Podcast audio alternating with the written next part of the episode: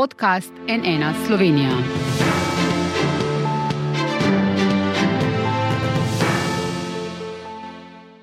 Dobrodan, to je ene na studio. V že tako burnem političnem dogajanju, ko afera sodna stavba maje socialne demokrate in koalicijo Roberta Goloba, je v tem tednu napetost naraščala tudi v največji opozicijski stranki. Iztekel se nam reč rok, do katerega so morali poslanci s podpisom potrditi, da ostajajo zvesti SDS do konca mandata. A vsi te izjave niso podpisali. Kaj to pomeni za stranko, v kateri so razhajanja velika redkost? Kaj to pomeni za Anžeta Logarja in njegove načrte?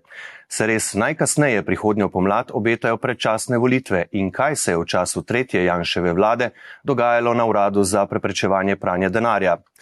Naš gost je predsednik SDS Janez Janša. Dobr dan, dobrodošli na NN. Dobr dan, lepo zdrav. Stranka SDS bo v soboto, na dan objave tega intervjuja, v Mariboru v večernih urah obeležila 35. obletnico svojega delovanja. Koalicijske razmere so razgrete, smo v letu evropskih volitev, čim prej pa želite vedeti, kaj bo storil Anželogar. Kaj bo tokrat ob obletnici SDS vaše ključno sporočilo stranki? Vse tokrat na uh, akademiji ob obletnici bo poleg uh, pač klasičnega vsakoletnega rituala, ko se spomnimo tistih, ki so mm, dosegli najboljše rezultate, tako kot posamezniki, kot tudi eh, občinski oziroma mestni odbori. Eh, tudi uh, akademija, ki bo sledila seji sveta stranke, kjer bo svet potreboval listo za evropske volitve. Se pravi, je to nek, tudi neke vrste konvencija z izborom kandidatov, tako da bo to uh, nekaj več kot običajno, ne samo zaradi delno okrogle obletnice, ampak tudi zaradi te dodatne evropske vsebine. Bo tudi tokratno slavnostno akademijo SDS, kot že mnoge prej, vodila in povezovala poslanka Eva Irgl? Ne, mislim, da ne. Dej, povezovalci so različni, ni bilo vedno Eva Irgl, je pa to delo vedno dobro upravljalo. Mm. Ja, ker eh, opazili smo in tudi prešteli, da Eva Irgl že vse od trenutka, ko je Anžel Logar maja lani ustanovil platformo sodelovanja, na plenarnih sejah državnega zbora razpravlja občutno manj kot prej. Je to zavestna odločitev stranke in poslanske skupine, da poslanke, ki vtegne na neki točki postati članica morebitne Logareve stranke, ne boste izpostavljali, kajti vemo, da razpravljavce na plenarnih sejah določi poslanska skupina. Ja, ampak običajno uh, na podlagi neke, nekega reda, neke procedure, se pravi, ko gre za uh, vem, gospodarsko temo, potem so na listu avtomatsko vrščeni tisti eh, člani in članice poslanske skupine, ki so v odboru za gospodarstvo in finance, tako da uh. ostali pa, kakor, kakor se prijavijo. Ne. Res pa je, da vsak, ki je član poslanske skupine, eh, koristi logistiko in tudi čas, ki ga ima poslanska skupina na voljo za razpravo. Tako ja. je parlament pač organiziran. Ja, ker podatki kažejo, da je bilo v tem mandatu do rojstva Logareve platforme 47 plenarnih zasedanj, na katerih je Eva Irgl razpravljala 19 krat, po ustanovitvi platforme pa je bilo 30 plenarnih sej, na katerih je Eva Irgl razpravljala vsega 4 krat. Ja, dobro ste to sešteli, ne vem. Uh, skratka, jaz mislim, da nihče pri nas tega ne, ne šteje na ta način. Uh mhm. -huh. Je pa pomenljivo, gospod Janša, iztekel se je rok, do katerega so morali vaši poslanci podpisati izjavo, da bodo do konca tega mandata ostali člani stranke in člani poslanske skupine SDS. Ravno zaradi Anžeta Logarja je podpisovanje te izjave predlagala vodja vaše poslanske skupine Jelka Godec, ki jo je pri tem podprl tudi izvršilni odbor stranke. To, da te izjave zvestobe stranki nista podpisala Anže Logar in Eva Irgl, veliko presenečenje pa je, da tudi Dejan Kaloh te izjave ni podpisal. To so zdaj že trije poslanci, kar je dovolj za ustanovitev nove poslanske skupine. Vam poslanska skupina SDS razpada, gospod Janša? Ne, poslanska skupina ne razpada, če nekaj poslancev pač te izjave ne podpiše, ker je poslanska skupina Slovenske demokratske stranke zelo velika.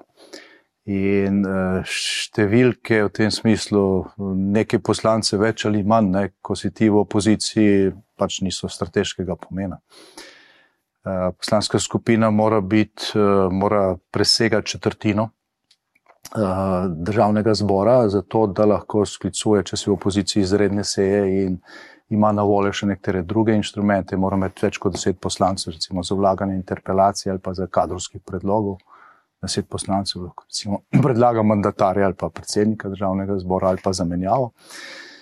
Uh, uh, zdaj ali je pa uh, to, ta številka pač. Uh, 24, 25, 26, 27 je to lahko strateškega pomena, če si v koaliciji, pa je vsak glas pomemben, ne? če si po opoziciji, pa to ni strateškega pomena. Tako da prvič ne gre niti za razpad, drugič ne gre za nobeno presenečenje za poslansko skupino in tretjič gre za to, da v skladu s tem, kar je uh, pač odločil tudi na svet, pa izvršilni odbor, uh, politična slika postane jasna dovolj zgodaj, ne pa tako, da se neka lista pač pojavi dva meseca pred volitvom, tako kot se je Virantova lista in to potem prinese škodo predvsem nam. A tudi gospod Kaloh potem za vas ni presenečen. Kako si razlagate, da on te izjave ni podpisal? V tej smeri, kot ste vi napovedali, ne, da bo očitno nastala uh, samostojna poslanska skupina iz poslancev, ki uh, pač uh, ne sledijo več uh, volji voljivcev, ki so jih izvolili, oblikuje novo poslansko skupino izven liste, na kateri so bili izvoljeni, in zato pač potrebuješ tri poslance. Uh -huh. Je pa po naših informacijah stranka še sinoči, da je na Kaloha precej prepričevala na izjavo zvestobe podpiše, ampak je ni. Logarja in Neve, uh, Irgl pa menda niste skušali niti prepričevati. Kaj se bo zdaj zgodilo s temi poslanci, če ne bodo šli ven v novo poslansko skupino, kot ste malo prej rekli, uh, jim boste vzeli mesta v delovnih telesih državnega zbora. Eva Irgl je predsednica komisije za peticije, uh, gospoda Logar in Kaloh sta podpredsednika odborov. Bodo ta mesta nepodpisniki obdržali ali ne? Zdaj, če bodo ustanovili samostojno poslansko skupino, potem taki skupini, glede na število poslancev, pač. Pri, da, da. Pripad, če bodo še nekaj pripa, časa pri vas ostali. Ne? Pripadajo, če, do, če bodo ostali pri nas, potem pač uh, bo poslanska skupina odločila, kako, uh, kako je za logistiko, ki pač pripada poslancem. Ja, ker tu je treba povedati, da poslanca iz poslanske skupine ne more vreči nihče, lahko gre samo sam. A je to zdaj za vas že odločilno? Ja, pa tudi, tudi mi nikoli. Nik, Koli nikogar nismo poskušali vreči iz uh, poslanske skupine. Mhm. Je to zdaj za vas že v bistvu odločilni znak, da bo Anže Logar, ki tudi na obletnico SDS v Maribor naj ne bi prišel, ustanovil stranko in da boste z njim odšla tudi Eva Irgl in Dejan Kaloh? Glede, za, za uh, nas v poslanski skupini Slovenske demokratske stranke ali pa vodstvo stranke, to ni odločilni znak. Ne? Ta odločilni znak je bil že zdavnaj. Uh mhm. -huh. Tukaj gre za to, da se tudi za javnost, pa za, za, za voljivce zadeve razjasni. Mhm. Kaj pa je bil za vas potem ta odločilni znak? Ustanovitev platforme, ki mhm. je uh, bila tudi nam nek, na nek način pojasnjena kot prva stopnica do stranke oziroma do lista. Takrat je tudi sedem članov uh, eh, SDS izstopilo iz stranke. Ne? Ne takrat, ampak nekateri že prej, nekateri kasneje. Uh -huh. uh, šlo je za ta notranji krog gospod Anžeta Logarja. Uh -huh. Ampak, ko govorimo o Anžetu Logarju in njegovi morebitni politični stranki, je za del volilnega telesa ključno vprašanje tole. Ali ta morebitna politična inicijativa nastaja kontrolirano in v tesnem dogovoru med vami in Logarjem zato, da bo desna sredina imela več možnosti sestaviti vlado in so vse napetosti med vama zgolj igra? Kaj lahko poveste o tem? Ja, lahko sem prikličen spomin dogajanja, takrat, ko je Gregor Virant ne, ustanovil stranko oziroma listo nekaj eh, tednov pred volitvami. Uh, mi smo z njim sedeli še v petek, uh, ker so bile neke govorice in je zatrjeval, da tega ne dela, v ponedeljke pa to najav. To je bil velik šok za, za uh, naše volilno telo, za notranjo javnost. Uh, bil je član naše vlade, član strokovnega sveta, skupaj smo predstavili program za naslednji mandat. In uh, potem, seveda, tudi zaradi medijske slike v Sloveniji, ki lahko zelo poudari nekatere stvari, nekatere pa zamovči. Na koncu lista Gregorja Viranta pobirala glasove in tudi izvolila poslance zgolj v krajih, kjer je bila sicer Slovenska demokratska stranka močna. In ta nastop je preprečil, da bi mi zmagali takrat na volitvah. Ne. Lista tudi Virant seveda ni zmagal, ker uh, ni bilo to predvideno. Uh, in tukaj se bo seveda scena ponovila, ko gre za gospoda Logarja. Eh, zmagal pa je zaradi nastopa liste eh, Gregorja Viranta Zoran Jankovič, za en procent, mislim, da nas je prehitev. In potem smo imeli tisto kolobocijo, ni znal sestaviti vlado, je bila kriza, smo jo mi sestavljali, so nas rušili. Dejstvo je, da če bi na volitvah leta 2011 Slovenska demokratska stranka dobila relativno večino, tako je sestavila vlado in trdno koalicijo, potem bi bila recesija v Sloveniji sigurno kako leto ali pa dve krajša, imeli bi više plače, boljše pokojnine, višji standard. Je pa potem tudi gospod Virant, ne, ko Jankoviču ni uspelo, pomagal sestaviti oziroma pomagal omogočiti vašo uh, drugo vlado in ostalo. Ja, samo, samo zaradi tega, ker je bila kriza velika ne, in je marsikomu odgovarjalo, da Slovenska demokratska stranka sprejme ZUJF, pa te varčevalne ukrepe, plača politično ceno, oni pa se potem pač pojavijo kot rešitelji pred tako imenovano trojko. Ne.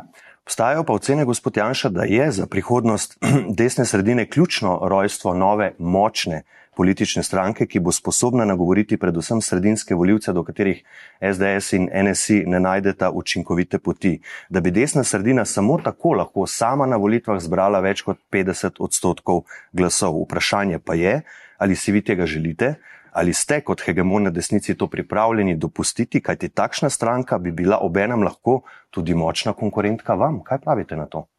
Glejte, Prvič, eh, vedno, ko je Slovenska demokratska stranka eh, bila relativni zmagovalec, volitev je sestavljala vlado. Tudi strankami z levega pola, ki so pred volitvom govorile, da nikoli ne bodo šle z nami v koalicijo. Sestavljali smo vlado tudi takrat, ko nismo bili relativni zmagovalci, ne takoj, ampak čez nekaj časa. Tako da eh, slovenski bližnji prostor, predvsem zaradi proporcionalnega volilnega sistema in nekaterih značilnosti, ki izhajajo iz tega, eh, je takšen, da eh, če, če je stranka močan, relativni zmagovalec, še posebej, če gre čez 30% ali tam nekje, potem ni možno sestaviti neke resne vlade eh, za cel mandat mimo takšne stranke. Ne? Tako da eh, te kalkulacije, 50 plus, eh, rabite še nekaj partnerjev in tako naprej, to je pri nas relativno, ne, to se zelo, to se zelo poenostavlja. In uh, to pije vodo, teoretično samo v uh, okviru te formule, češ nihče ne bo šel v koalicijo z, z SDS, kar se je doslej še vedno podrlo, prej ali slej. Uh, Eh, kar se tiče pa tako imenovanega hegemona ali pa Slovenske demokratske stranke kot hegemona na desnici. Nikoli v, eh, iz tega recimo, desno-sredinskega političnega prostora Slovenska demokratska stranka ni bila edina ponudba. Ne, vedno je na volitvah nastopila vsaj še ena stranka, ki je v Evropi v isti politični skupini, Eh, se pravi Evropski ljudski stranki in bila tudi izvoljena v, v, v slovenski parlament ali Nova Slovenija ali prej Slovenska ljudska stranka, seveda, seveda kar pomeni, da eh, tisti desno-sredinski voljivci, ki recimo nas ne bi marali, so vedno imeli še v istem političnem spektru še vsaj eno ali pa dve realni alternativi. Tako da Uh, Ampak nobeni je od teh alternativ. Ja, vi ste, vaši... vi ste sicer govorili o, o sredinskih voljivcih po sredini, zdaj kaj, kaj v Sloveniji sredina, je to zelo, zelo uh, zanimiva debata. Uh, mislim pa, da niste pozorni na nastope gospoda Logarja, ker on gospodarja, da je desno-sredinski politik, pa tudi Eva Jergel govori, da je desno-sredinski politik, se pravi, želja platforme ni, da zajema na sredini, ampak na desni sredini. In s tem prepreči relativno zmago Slovenske demokratske stranke. Sicer bi poudarjali, da, da so sredinski, da so, da so uh, sredinski politiki ali pa da so uh, realno povezovalni, uh, ne pa tako, kot je na zadnje, ne vem že, ki je nastopil, mogoče ravno pri vas, uh, gospod Pikalo. Na delu je bilo to. Ja, na delu je, ko je rekel, da v vlado, ki bi jaz vodil, pa ne bi šel. Ne, se pravi. Mislim, govoriš o tem, da povezuješ, govoriš o tem, da ne izključuješ, eh, imaš v naslovu, kaj sodelujemo, ne, pa pa rečeš s tem, pa pač ne bi šel. Ne. Taj, uh, gospoda Pikala poznamo, tako da, uh, ko so uh, recimo moji poslanski kolegi videli na ustanovitvi uh, platforme, ne, uh, ta obraz, eh, je bilo več ali manj jasno, zakaj tukaj gre. Zdaj, če, imaš, če ustanoviš ti nekaj, kar ne bi povezovalo oba pola, v tej, eh, v tej druščini pa ni eh, poleg poslancev Slovenske demokratske stranke nobenega poslanca iz drugih strank. Ne? potem zelo težko blefiraš, da gre za kaj drugega kot za projekt Veren številka 2.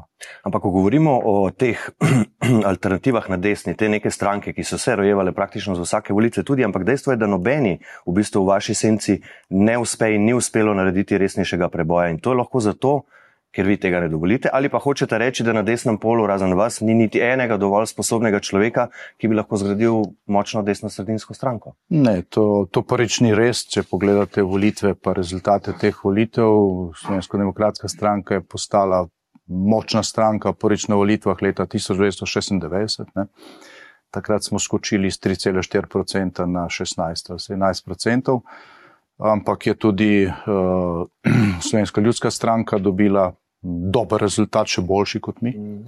Uh, krščanski demokrati so imeli, mislim, 10%. Uh, potem na volitvah, uh, mislim, da leta 2000, ne, ko je ta združena SLS-SKD razpadla, je sta gospod Bajuk in gospod Petrle ustanovila novo Slovenijo in ta je šla na 10% takoj.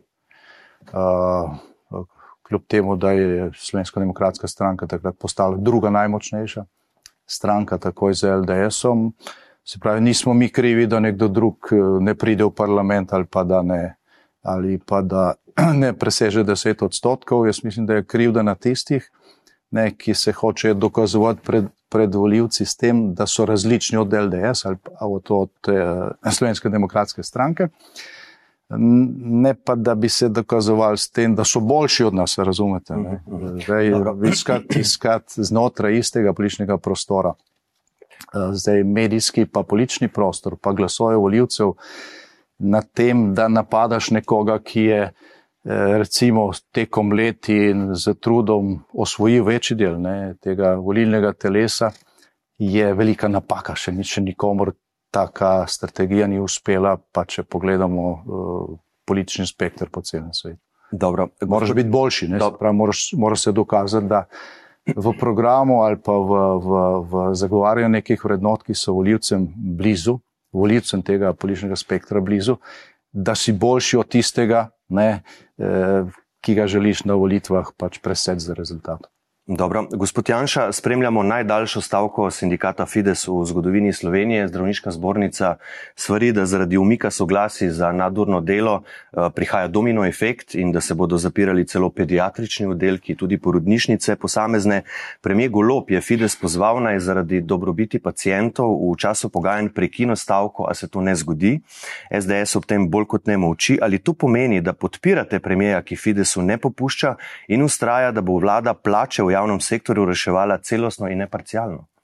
Zdaj, prvič, SDS eh, ne moči, ne, nismo pa mi tukaj eh, ne ena, ne druga stran, ker pač eh, ne vem. V imenu koga bi se mi pogajali, ne? zdravniki imajo svoj sindikat, ki se pogaja, vlada pa ima ministrstvo za zdrave, ki se ne pogaja. Razumete, največja napaka, vse te slike, ki jo mediji veliko krat spregledujete, je to, da uh, se vlada z sindikatom Fides ne pogaja resno. Ne. Druga stvar, ki jo spregledujete, je dejstvo, da Fides ne zahteva nekaj novega. Ne. Ta sindikat zahteva, da vlada izpolni podpisana dogovora iz lanskega leta, nekaj, kar je vlada že se zavezala, da bo, da bo naredila. Ne. Ampak mediji pa poročajo samo, kakšne plače zahtevajo. Zahtevajo tisto, na kar je vlada že pristala v času, ko je bilo denarja več. Ne zdaj denarja bistveno manj in eh, je vlada v težavah, eh, pa tudi eh, pa situacija je bolj zaostrena, tudi zaradi razlogov, ki ste jih navajali. Ampak, gledajte, ne, za mizo, ker se pogajajo, ni ministrica za zdravje. Si predstavljate, da bi v našem mandatu ne, zdravniški sindikat ali pa nek drug sindikat stavkal zgodovinsko dolgo, Ne, pa na drugi strani eh, pogajalske mize ne bi bilo ministra iz naše vlade. Glejte, mediji bi parkirali kamere pred njegovo pisarno noč in dan in bi bil pritisk eh, na njegov odstop, pa tudi na odstop vlade tak, da vlada tega ne bi zdržala. Ne. Mi smo imeli pogajanj s sindikati ogromno. Uh, na mnogih sem sam sodeloval z zdravniškim sindikatom, z uh, sindikatom zdravstvene nege. Uh, s kmeti, ne, kljub COVID-u, smo sedeli praktično vsak mesec. Ne. Poglejte slike za nazaj. Jaz sem bil na teh pogajanjih, ne samo ministri. Zdaj pa so dal nekega uradnika, ne, ki pravi, da pač uh, nima pooblastil, da se kaj zmeni. Kot eno Pa večjih se ni treba nič zmeniti. Pač tukaj gre za to, da vlada nekaj, kar je že podpisala, enostavno uresniči. Ne. To, to zahteva sindikat. Moram pa reči, da tudi slabo komunicira. Ne. Eh, Vedno, ko predstavniki tega sindikata nastopajo, prva stvar, ki bi morali reči, gledajte, mi ne zahtevamo nič drugega kot to, kar je vlada že dvakrat obljubila. Sej je normalno, da se dana beseda drži. Kot eno večjih neumnosti te vlade ste označili zakon o evidencah delovnega časa, tako imenovano štempljanje.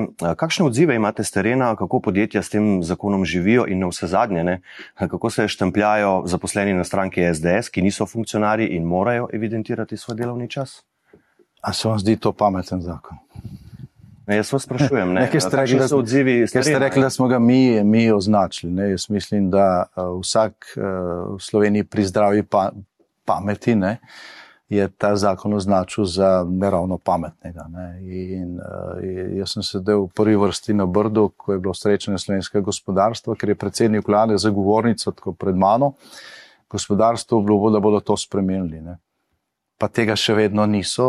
Eh, Po tistem, ko je on to obljubil za govornico javno, pred slovensko javnostjo in pred neposredno prisotnimi predstavniki gospodarstva, mislim, da jih je bilo šest v dvorani, na Brdu, ki so bili vsi proti temu zakonu, ne, eh, je eh, koalicija glasovala proti našemu predlogu, da se te sporne člene iz tega zakona, eh, zakona briše. Ne. Potem ste tako vložili še enkrat uh, isto stvar. Še ena slaba novica za podjetja je, da se svetovno gospodarstvo ohlaja, še posebej trgi, kamor Slovenija največ izvaža. Sanacija po poplavah je velik finančni zalogaj za državo, absolutno slejko prej bodo, tudi, uh, bodo tukaj tudi fiskalne omejitve, uh, manevrskega prostora ni veliko, se pa napoveduje še en poskus davčne reforme. Na kaj bi morala biti vlada po vaši oceni pri tem še posebej pozorna? Glede, vlada bi že veliko naredila, če bi preklicala preklic naše mini davčne reforme. Ne. Eh, Ona je ustavila nekaj, kar je prvič omogočalo, da ljudje dobijo višjo neto plačo, brez dodatnega- dodatne obremenitve gospodarstva in brez ogrožanja proračuna, ker je šel ta, ta dvig pač postopno po letih. Če te eh, reforme ne bi zaustavili, bi konec letošnjega leta vsi zaposleni dobili še eno neto plačo več, ne? skupaj v, v, v celem letu, brez tega, da bi se javne eh, finance porušile. Ne? Zdaj oni so to, eh, to izvajanje te reforme prekinili, zdaj pa se pogovarjajo, da bi spet eh, razbremenili delo. Ja, pač, ne, dobro jutro. Ne? To je bilo splanirano, umeščeno v neko, neko eh, javno finančno in gospodarsko sliko, ki je to omogočala. Veliko vprašanje pa je, kaj bo, eh, kaj bo zdaj, glede na situacijo, ki ste jo vi opisali, pa glede recimo na eh, opozorila fiskalnega sveta, ki je pregledal izvajanje proračuna v lanskem letu in ugotovil, da eh, se je masa plač eh, v javnem sektorju eh, v lanskem letu povečala rekordno, mislim, da smo med šestimi največjimi skoki v, v Evropski uniji, ob tem, da nismo izvedli reforme plač v javnem sektorju. Skratka, po domače rečeno, vlada je v lanskem letu porabila rezervo, eh, v okviru katere bi lahko pač odpravila ta nesorazmerja v javnem sektorju, zato da je ohranila status quo, zdaj pa se pogaja, kako odpraviti nesorazmerja z prazno vrečo. Zdaj, druga taka, drugo tako resno upozorilo je to, da kljub temu, da imamo rekordno visoko zaposlenost, eh, se pravi, da skoraj milijon zaposlenih ljudi v Sloveniji eh, plačuje eh, prispevke v pokojninsko in zdravstveno blagajno in tudi vse drugo, ne, kar se financira iz bruto plač, da kljub temu se povečuje delež denarja, ki ga iz proračuna dajemo za pokojninsko in tudi za zdravstveno blagajno, za pokojninsko blagajno bo šlo to preko dveh odstotkov, še enkrat več, recimo, ko dajemo za obrambo, za pokrivanje izgube, pri zdravstveni blagajni pa preko polovice procenta, čeprav je bil dolgo časa tam, je bila dolgo časa tam bilanca izravnana. Torej, torej to, vlada... to seveda pomeni, da ne gre samo za problem ohlajanja uh, gospodarskega optimizma in okolja v, v naših glavnih uh, trgovinskih gospodarskih partnericah, kot recimo Nemčija, ki je največji, pa ima prašno največje težave, kar se tiče napovedi za naprej, ampak da gre tudi za domače strukturne probleme, ki, ki jih vlada zanemarja. Ne. Poleg tega pa še daje napačne signale. E, omenili ste pač financiranje obnove po poplavah. E, vlada je uvedla nekatere dodatne dajatve, nekatere je napovedala za ta uh, sklad, ne, iz katerega naj bi se financiralo po poplavno obnovo, ne, hkrati je pa v zadnjih desetih dneh lanskega leta ne, korila državno proračunsko rezervo, ne samo za nakup te sporne stavbe na Litijski, o čemer pa da že vrabci čivkajo, ampak tudi za številne druge stvari. Dej, če ti, če ti ja. konc leta ostaja denar uh, v proračunu, potem ga razporedi na sklad recimo za, za obnovo, ne pa zato, da ti dobivaš denar, dviguješ davke in prispevke in dolgoročno uh, dolgoročno ogrožaš razvoj države. Ja, manevrskega prostora uh, ni veliko, se pa vlada zadolžuje zdaj tudi pri državljanih. Izdala je tako imenovane ljudske obveznice. Uh, ste jih že kupili oziroma ali jih boste? Ne, jaz jih nisem kupil in tudi uh, prvič nimam tog denarja, da bi se mi splačalo kupiti uh, toliko obveznic, da bi se računica išla, ker uh, uh, pač, uh, če, če tukaj zračunaš stroške od odprtja trgovalnega računa in uh, vseh ostalih stroškov, potem tisti, ki je kupil za nekaj tisoč evrov teh obveznic, tega praktično ne bo imel. Uh, ne bo imel nič, pravi, da če jih kupi za preko 30 tisoč, ok, kdo ima ta denar, da se to mogoče splača, ker je to varna naložba, ne, ker država to jamči. Uh, vlada je šla pač nek poskus, ne, uh, vsem finančnim ministrom, ne se svetijo oči, ko gledajo uh, ob koncu leta poročila centralne banke, kjer vidijo, da ljudje imajo na, na bančnih računih uh, 30 milijard skoraj denarja. Ne.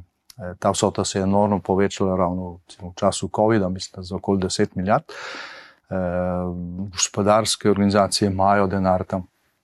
Kako zdaj to spraviti v, v, v ta širši okvir javnih financ, da to ne bo mrtev kapital in so šli v nek poskus. Zdaj, eh, načelno vzeto je to mm, pohvalno. Ne? Zdaj, vse države se trudijo, da angažirajo denar uh, prebivalstva, ki pač leži na vrčevalnih računih, uh, zato da pospešijo razvoj.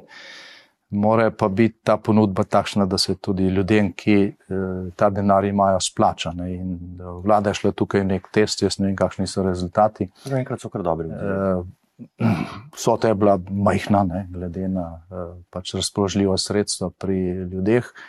Uh, in verjetno bo, pač, če so rezultati uh, dobri in pozitivni, bo vlada šla z pač, neko naslednjo, uh -huh. naslednjo ponudbo. Jaz mislim, da ne glede na to, da pač ta ponudba ni bila.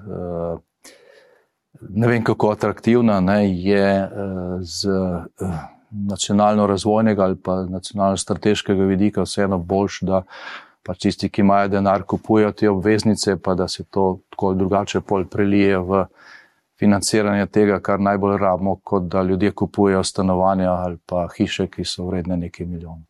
V zadnjem času zelo odločno napovedujete predčasne volitve in pravite celo, da bodo najkasneje prihodnjo pomlad, to da kljub vsem kritikam, ki letijo na vlado in kljub trenutni koalicijski krizi ima premijer Golob še vedno rekordnih 40 poslancev, ki bi si morali za skoraj leto in pol skrajšati eh, mandat ob zavedanju, da vsi še enega verjetno ne bodo dobili. Eh, kljub trenutnim zaustrenim koalicijskim razmeram, nihče razen vas ne tvega s to napovedjo, zato konkretno, gospod Janša, na čem temelji?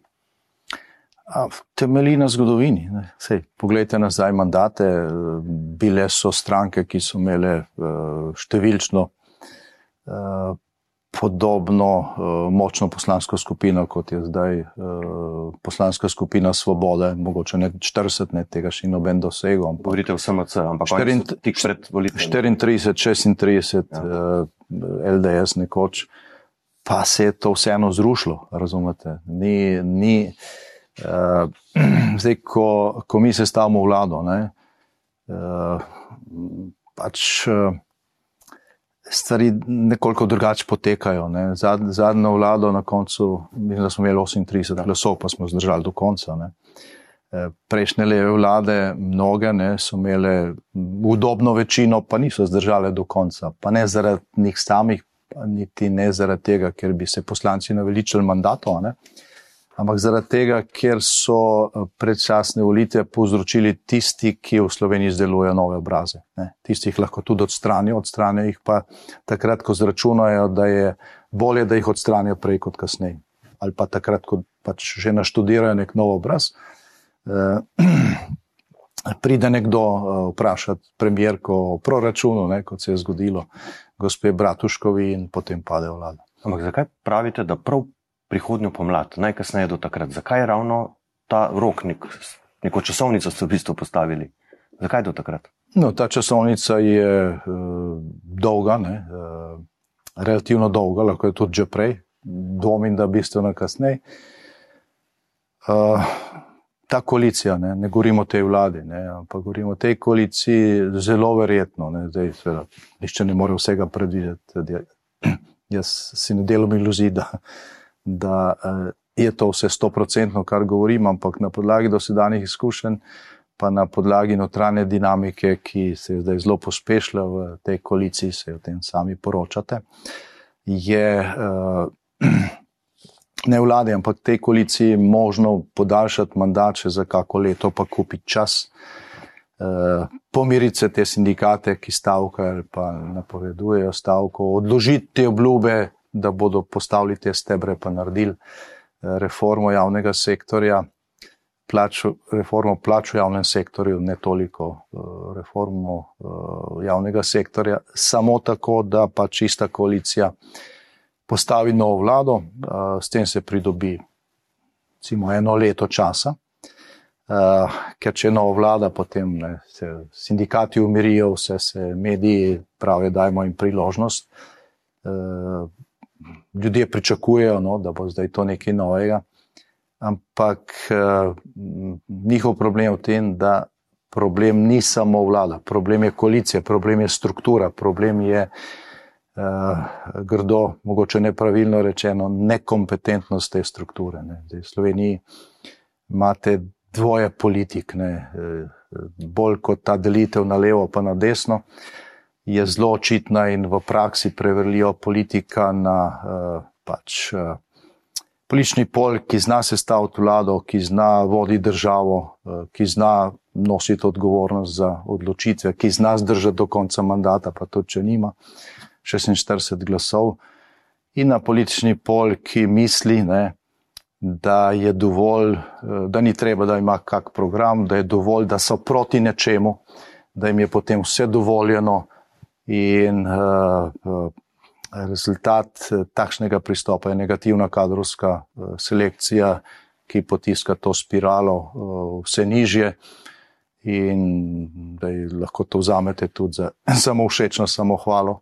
V tem trenutku, razen Slovenske demokratske stranke, ni politične sile v Sloveniji, ki je sposobna postaviti stabilno vlado, stabilno ekipo in uh, resno delati na prihodnosti in razvoju države. V vsakem primeru do predčasnih eh, volitev lahko pride le, če v bistvu se državni zbor razpusti, kar je v tej situaciji eh, ne, ne, malo verjetno. Eh, ne, ne, ne, ne, ne, ne.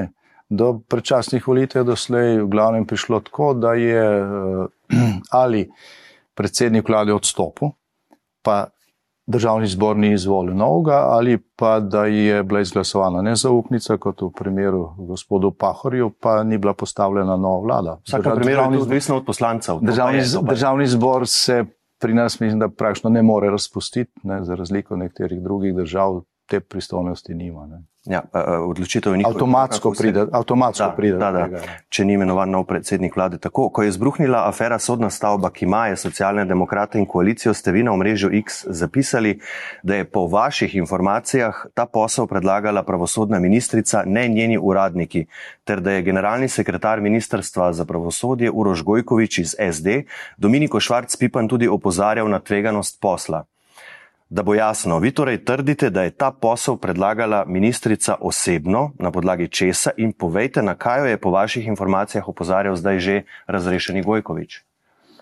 No, na to, na kaj so jo uh, tako imenovane službe opozarjale, mislim, da je bilo že veliko napisano v tistem sestanku nekje. Uh, Nekje oktobra in takrat je bilo potem tudi rečeno, da, da se v to ne gre. Ne. Uh, Vi ste rekli po vaših informacijah? Ja, ja, sej, ampak to, to niso samo informacije, to je bilo javno objavljeno. Mislim, da je Požar report objavil cel uh, redosled dogodkov, kako so se stvari dogajale in po mojih informacijah tisto, tisto drži. Ne. Da pa je uh, ministrica za pravosodje predlagala ta po, posel, pa potrjuje uh, vladno gradivo. Ne. Se ona je poslala predlog na vlado, ona je podpisala predlog, da se prvič prerasporedi, eh, da se prvič ursti nakup te stavbe v NRP, kar mora potrditi vlada, in drugič, da, da se odobri ta posel. Vlada je dvakrat odločala.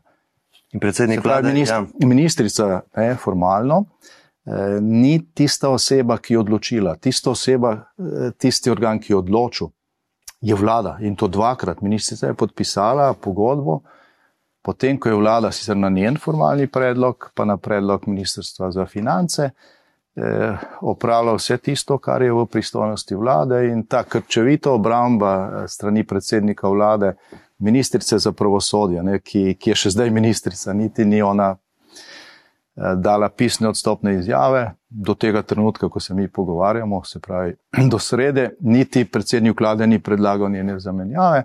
To ni zaradi tega, ker si predsednik vlade želi ponižati ali pa razbiti eh, drugo največjo stranko v koaliciji, kar mediji na veliko poročate. To je zgolj stranska posledica. Jaz mislim, da eh, ni tako neumnega predsednika vlade, niti v Sloveniji, ne, ki, bi, ki bi si kopal vlastni grob, ker pač eh, koalicijo rabi za to, da, da, da ima večino. To je stranska posledica. Predsednik vlade pa brani ministrico zaradi tega ker uh, je vlada potrdila ta posel, ne ministrica. Ministrica je podpisala pogodbo potem, ko je vlada dvakrat ta posel potrdila. Uh, zato, da boste razumeli situacijo, si predstavljate, da se je to zgodilo v naši vladi. A, a mislite, da bi, da bi uh, vem, medijsko pilo vodo, če bi se nek minister naši vladi zgovarjal na to, da so mu posel ali pa nek, nek projekt potaknili službe, uradniki iz prejšnje vlade, v naši vladi je bilo 25% ali pa 29% uradnikov iz prejšnje vlade, razumete?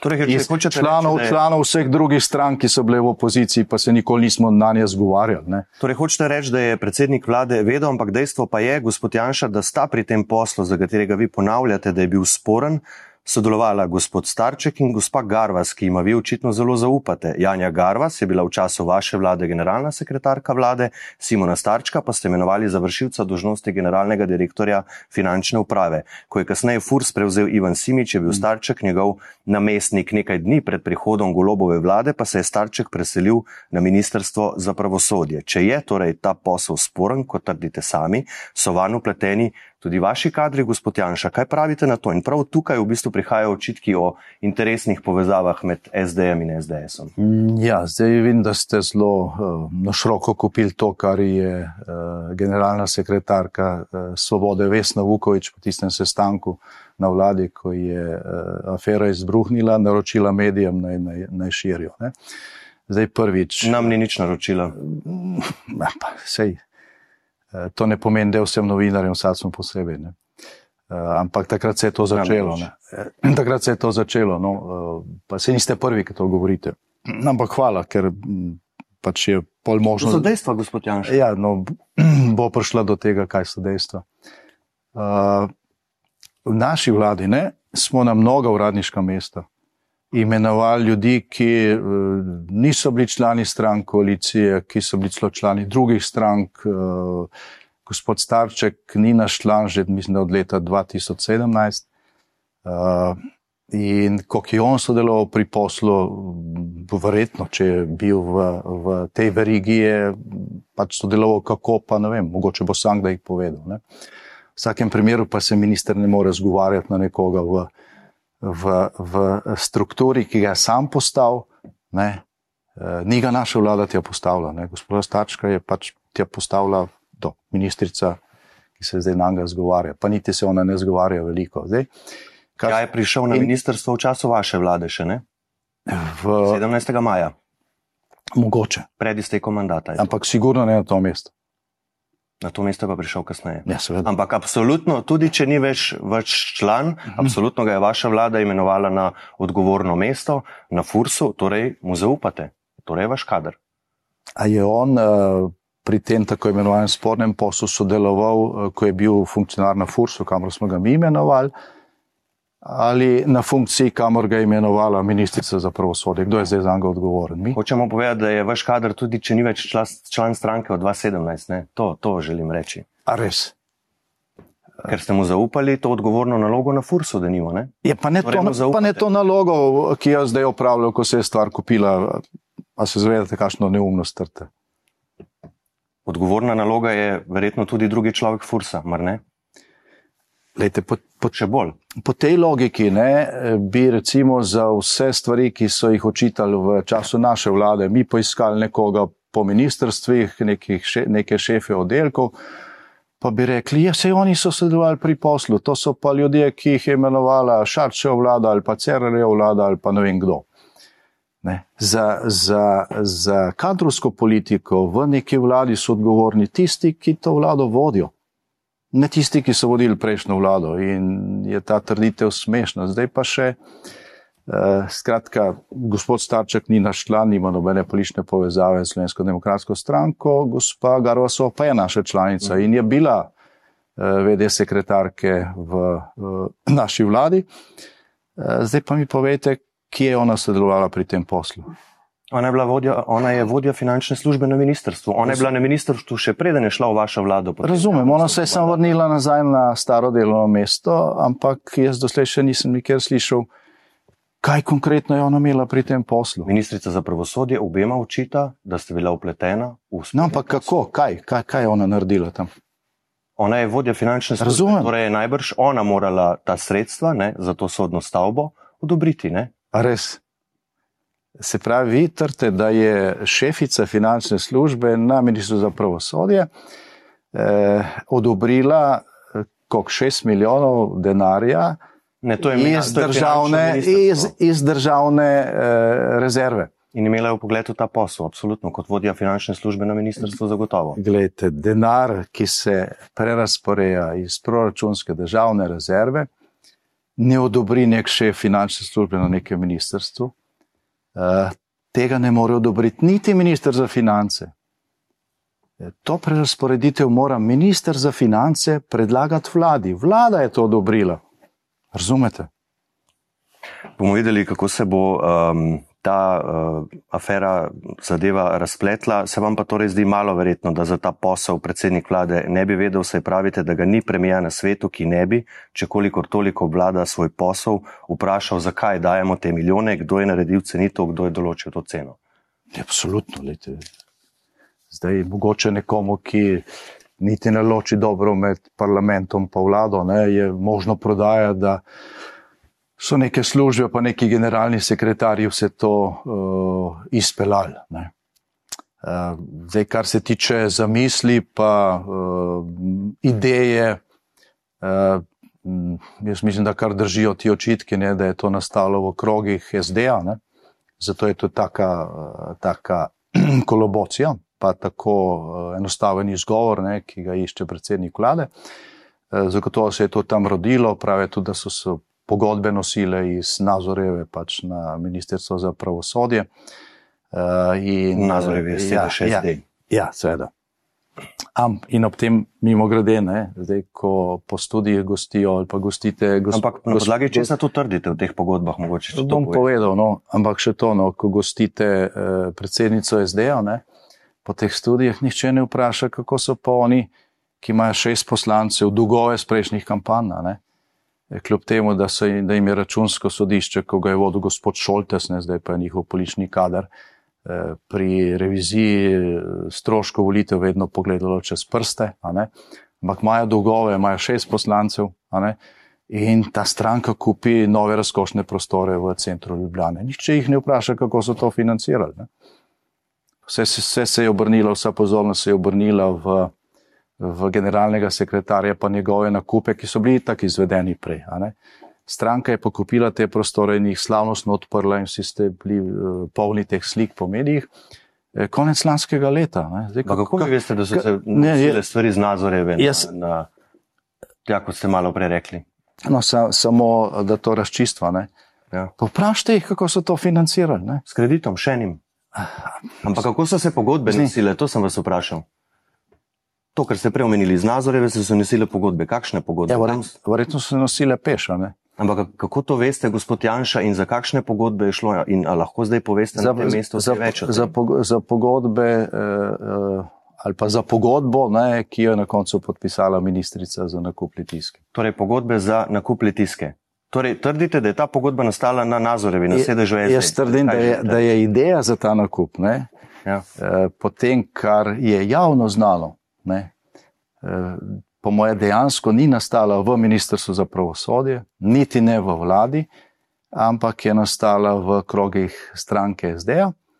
Eh, to pa ne spreminja odgovornosti tistih, ki so ta posel potrdili, ker pač nek generalni sekretar neke stranke ima lahko še take ideje, če nima eh, podpore vse do predsednika vlade, da to sploh pride na sejo vlade in da vlada dvakrat odloča o tem poslu, eh, potem so lahko to samo utopične sanje. Ampak eh, zanimivo je, da potem, ko en mesec traja ta afera, nihče ne postavi vprašanja tega prvotnega motiva.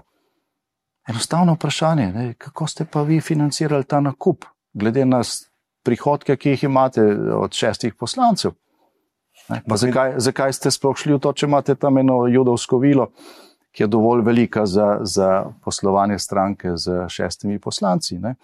Pa, pa se bo prišlo do samega začetka, ampak kot že rečeno, ne, ta, ta dolga saga, ne, ki eh, zaposluje vlado na mesto, da bi se ukvarjala z realnimi problemi, eh, ni dolga zaradi eh, rekel, tega primarnega motiva, Eh, ki je potreboval na koncu nakupu neke stavbe za sodno palačo, za katero so vsi vedeli, da ni primerna. Vsi so vedeli, ki, vsi, ki so se s tem ukvarjali, še posebej pa na pravosodju, pa na vladi, so vedeli, da imamo gradbeno jamo za Bežigradom, ne, ki je v državni lasti, kjer ne bi se ta stavba zidala. Uh, ne zakriva, se to ne zakriva odgovornosti tistega, ki je na koncu rekel: Ja, ta nakup gre na dopisno sejo vlade. To ni bil generalni sekretar vlade, to ni bil minister za finance, to je bil predsednik vlade Robert Golop in nekdo ga je moral poklicati. Ne? In mu, mu nekaj povedati, zato da je to šlo na dnevni red. Dobro, eh, SD ima sicer sedem poslancev, mimo grede. Eh, vi torej trdite, da premijer, ki obvlada svoj posel za velike in ključne stvari, ve. Potem takem je verjetno, da ste vi kot premijer vedeli za največje brskanje po bančnih računih v zgodovini Slovenije, ki se je zgodilo na uradu za preprečevanje pranja denarja v času vaše tretje vlade. Ste to brskanje po računih tudi usmerjali?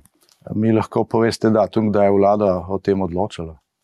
Ne, jaz vas sprašujem, nikoli vlada o tem ne odločala. Vi ste, ampak, vi ste naredili primerjavo neke zadeve, ker je vlada dvakrat formalno odločala, z neko zadevo, ki nikoli ni prišla do vlade, niti do mene in je v popolni pristojnosti nekega urada. Ali ste vedeli, ne. da UPPD, torej urad to počne ali ne? Ne, nisem vedel, ne, tak, ne zdaj, uh mhm. -huh. ne prej v vsaj desetih primerih, ko so na enak način, na podlagi nekih anonimk, uh mhm. -huh. brskali po mojih računih. Uh -huh. Pa se niste nič razburjali.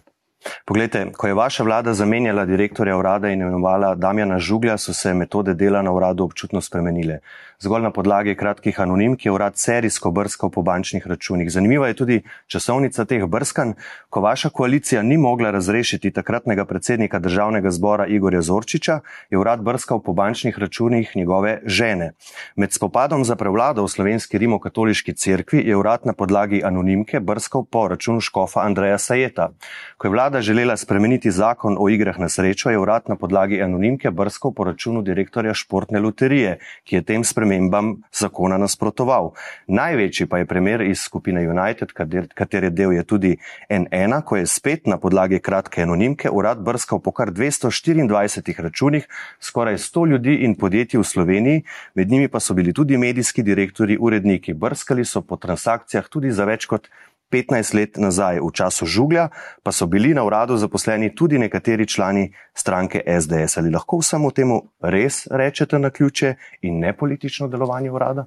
Zdaj, prvič, kar se tiče tega urada, jaz mislim, da je med zaposlenimi daleč najmanj članov stranke SDS. Drugič, ko so podobni primeri, eh, ne s tako rekel, bombastično medijsko spremljavo, o brskanju po mojih računih, po računih ostalih eh, poslancev naše poslanske skupine, po eh, o brskanju računih razno raznih ljudi, ki levim vladam pač niso odgovarjali in so, so se ali pa smo se pritoževali, ne, je bil odgovor enak. So rekli, anonimka je prišla, In, Ampak, in, in, prebral, in, moramo, in, moramo, in moramo to pri, preveriti. In veste, kakšna je, bil, kakšna je bila reakcija medijev, vas takrat še ni bilo, ampak podobnih medijev takrat je bila. Ja, kaj se pa razburjate, se če je vse v redu, ne? E, naj preverijo, kaj se pa razburjate. Ampak vsemu temu, kar sem vam prej prebral, lahko rečete na ključe?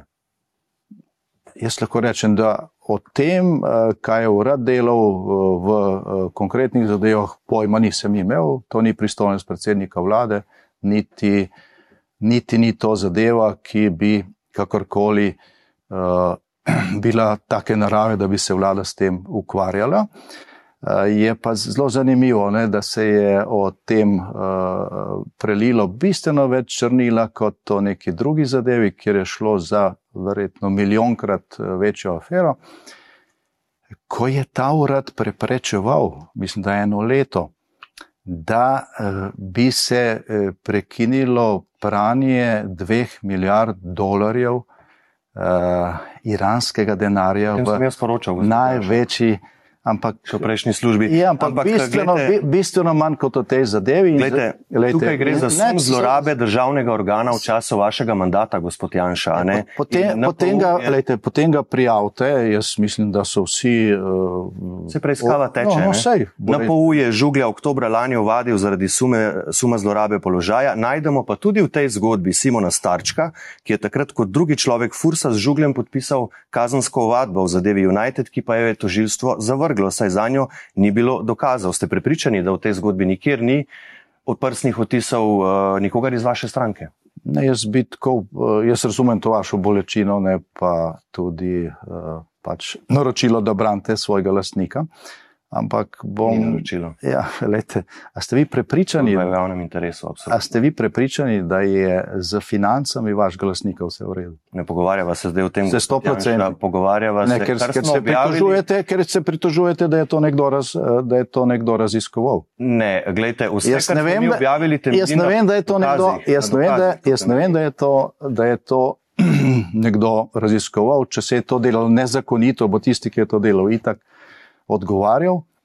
Moram pa reči, da nisem prepričan, da je z financami vašega lasnika vse v redu.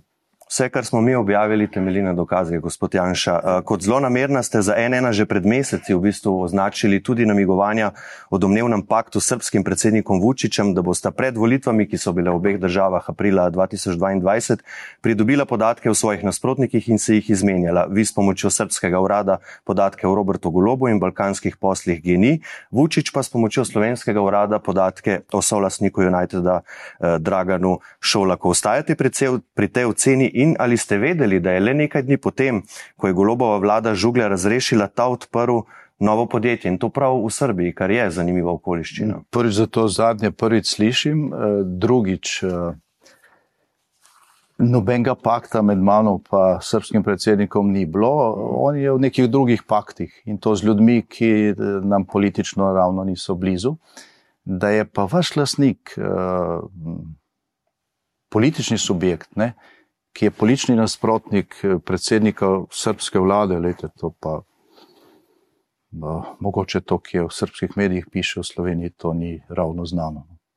Dobro, bomo tudi videli. Ne vem, eh, tudi ne vem, eh, ima on kako stranko.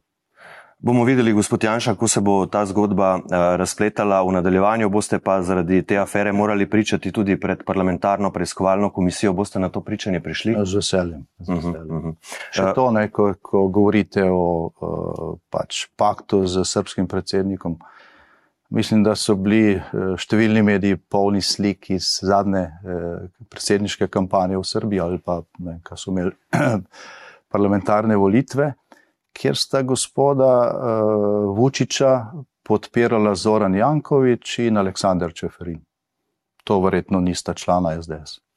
Eh, bližava se koncu tega pogovora, ampak odpriva še eno vprašanje. Globalne razmere so v znamenju konfliktov in vojn. Napovedujete umirjanje ali dodatno zaostrovanje? Zdaj, nobenih signalov ni, da uh, bi se v letošnjem letu stvari umirjale. Uh, bo nekaj taktiziranja in čakanja, zaradi tega, ker so v Ameriki predsedniške volitve ne?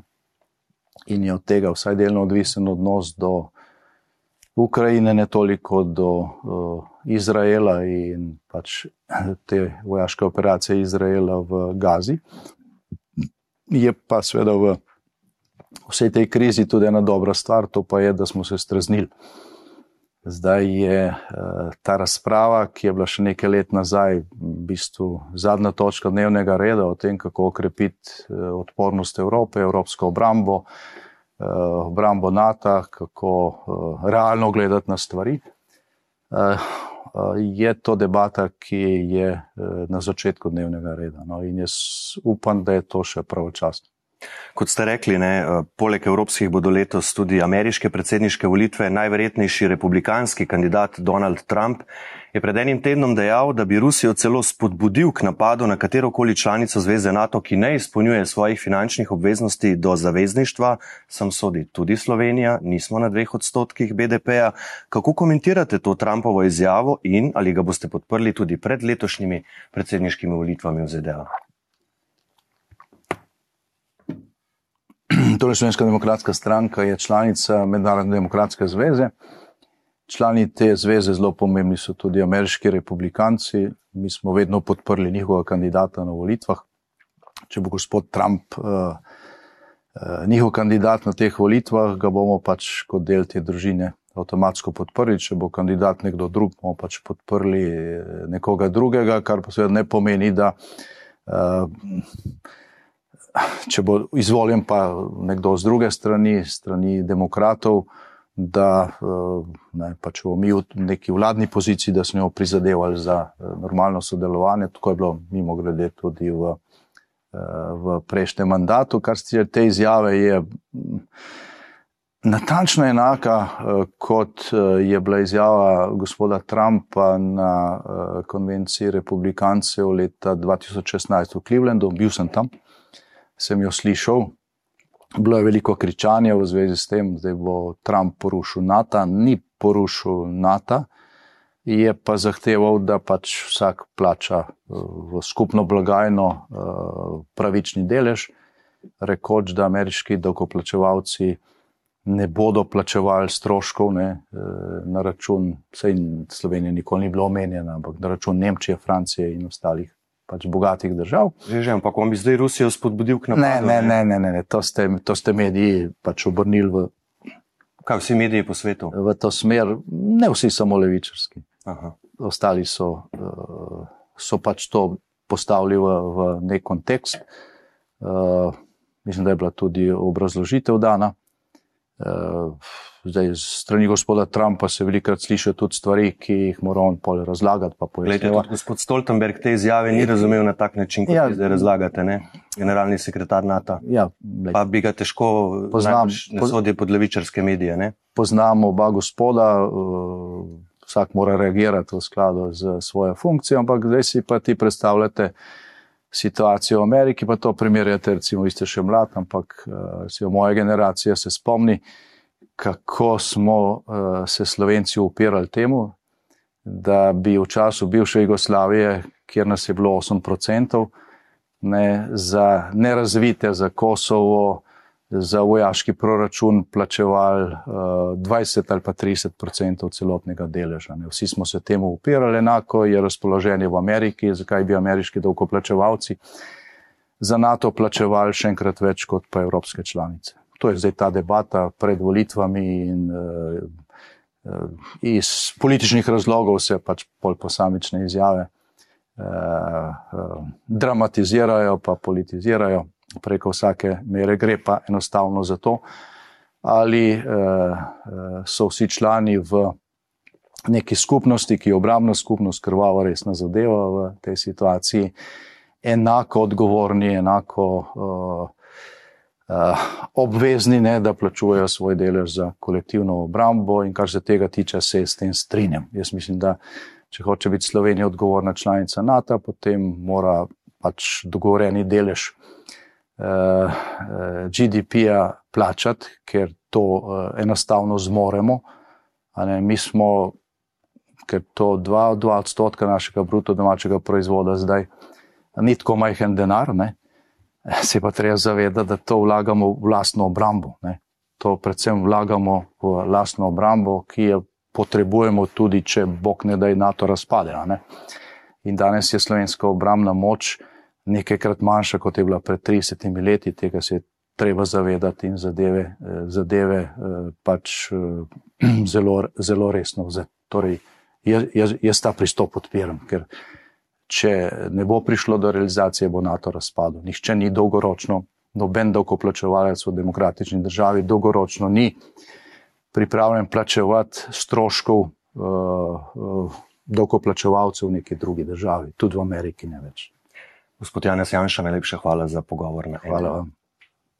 Hvala pa tudi vam za vašo pozornost. Seveda bomo zanimivo, tudi mestoma burno politično dogajanje v Sloveniji spremljali še naprej, zato bodite z nami na nnainfo.si. Iz studija pa le še lepo zdrav in nasvidenje.